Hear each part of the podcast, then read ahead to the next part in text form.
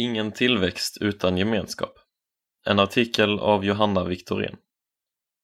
Jag har nog alltid, eller så länge jag kan minnas i alla fall, kallat mig själv för kristen. Detta för att jag alltid har haft en tro på Gud. Jag är däremot inte uppvuxen i kyrkan. Visserligen gick jag i kyrkans barntimmar när jag var riktigt liten, men så snart jag och mina syskon växte ur den åldern blev kyrkobesöken få.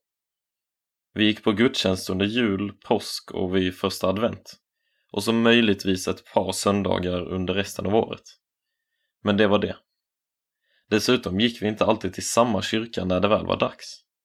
Det gjorde att jag aldrig hann lära känna människorna i någon av kyrkorna särskilt väl. Och någon ungdomsgrupp hade jag inte heller att gå till. Jag tror inte ens jag visste att sådana fanns under mina tonår. På avstånd. Detta gjorde att jag alltid kände mig som en besökare eller betraktare när jag gick till kyrkan. Sammanhanget fanns där, men det var inte mitt. Det kändes många gånger som att jag deltog i gudstjänsterna lite på håll. Och jag brukade dessutom alltid gå innan kyrkfikat startade. Den kristna gemenskapen var på så vis obefintlig i mitt liv. Jag förstod inte då vad det var jag egentligen missade. Stillastående. Hur var då min tro? Jag skulle säga att den fanns, men att den inte växte överhuvudtaget.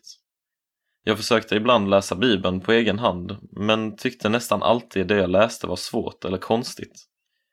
Jag försökte dessutom be lite då och då, men visste inte riktigt vad jag skulle be om. Detta, tillsammans med att jag inte hade några kristna kompisar i min närhet att diskutera med, gjorde att tron blev mycket en privatsak. Det blev något som jag behöll för mig själv och som jag lät vara en ganska stillastående position. Men tack och lov slutade det inte där. Ett svart hål. En dag när jag satt hemma på min säng började jag reflektera över min tro. Det kändes som att den hade ett stort svart hål som behövde fyllas med något för att bli hel. Jag visste inte exakt vad detta något var, men jag visste att jag saknade. Denna känsla och ett par andra erfarenheter väckte en längtan i mig efter att gå bibelskola. På en bibelskola kan jag få bra input i tron, tänkte jag.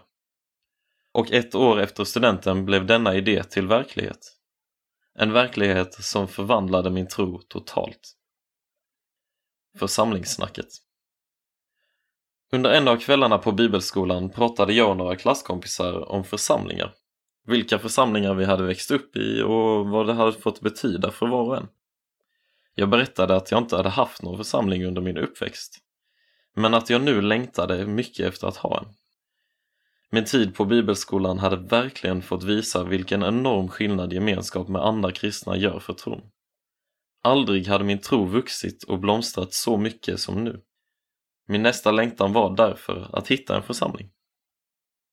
Sökte och fann.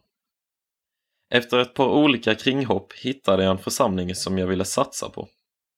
Jag älskade att få börja gå dit regelbundet och att för första gången någonsin få kalla en församling för min.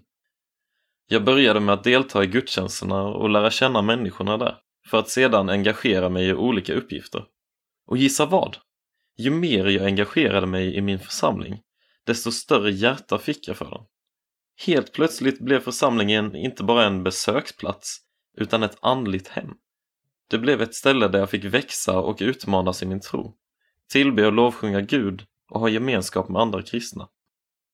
Det blev med andra ord den plats där allt det jag tidigare hade saknat fanns. Mitt tips. Om jag skulle ge dig ett tips utifrån mina egna erfarenheter skulle det vara att genomföra ansträngningen att hitta en församlingsgemenskap. Att vara kristen på egen hand är nämligen allt för jobbigt och svårt. Erkänn för dig själv att du behöver gemenskap med andra kristna för att växa i tron och sök dig sedan till en församling. Tro mig, det kommer göra skillnad.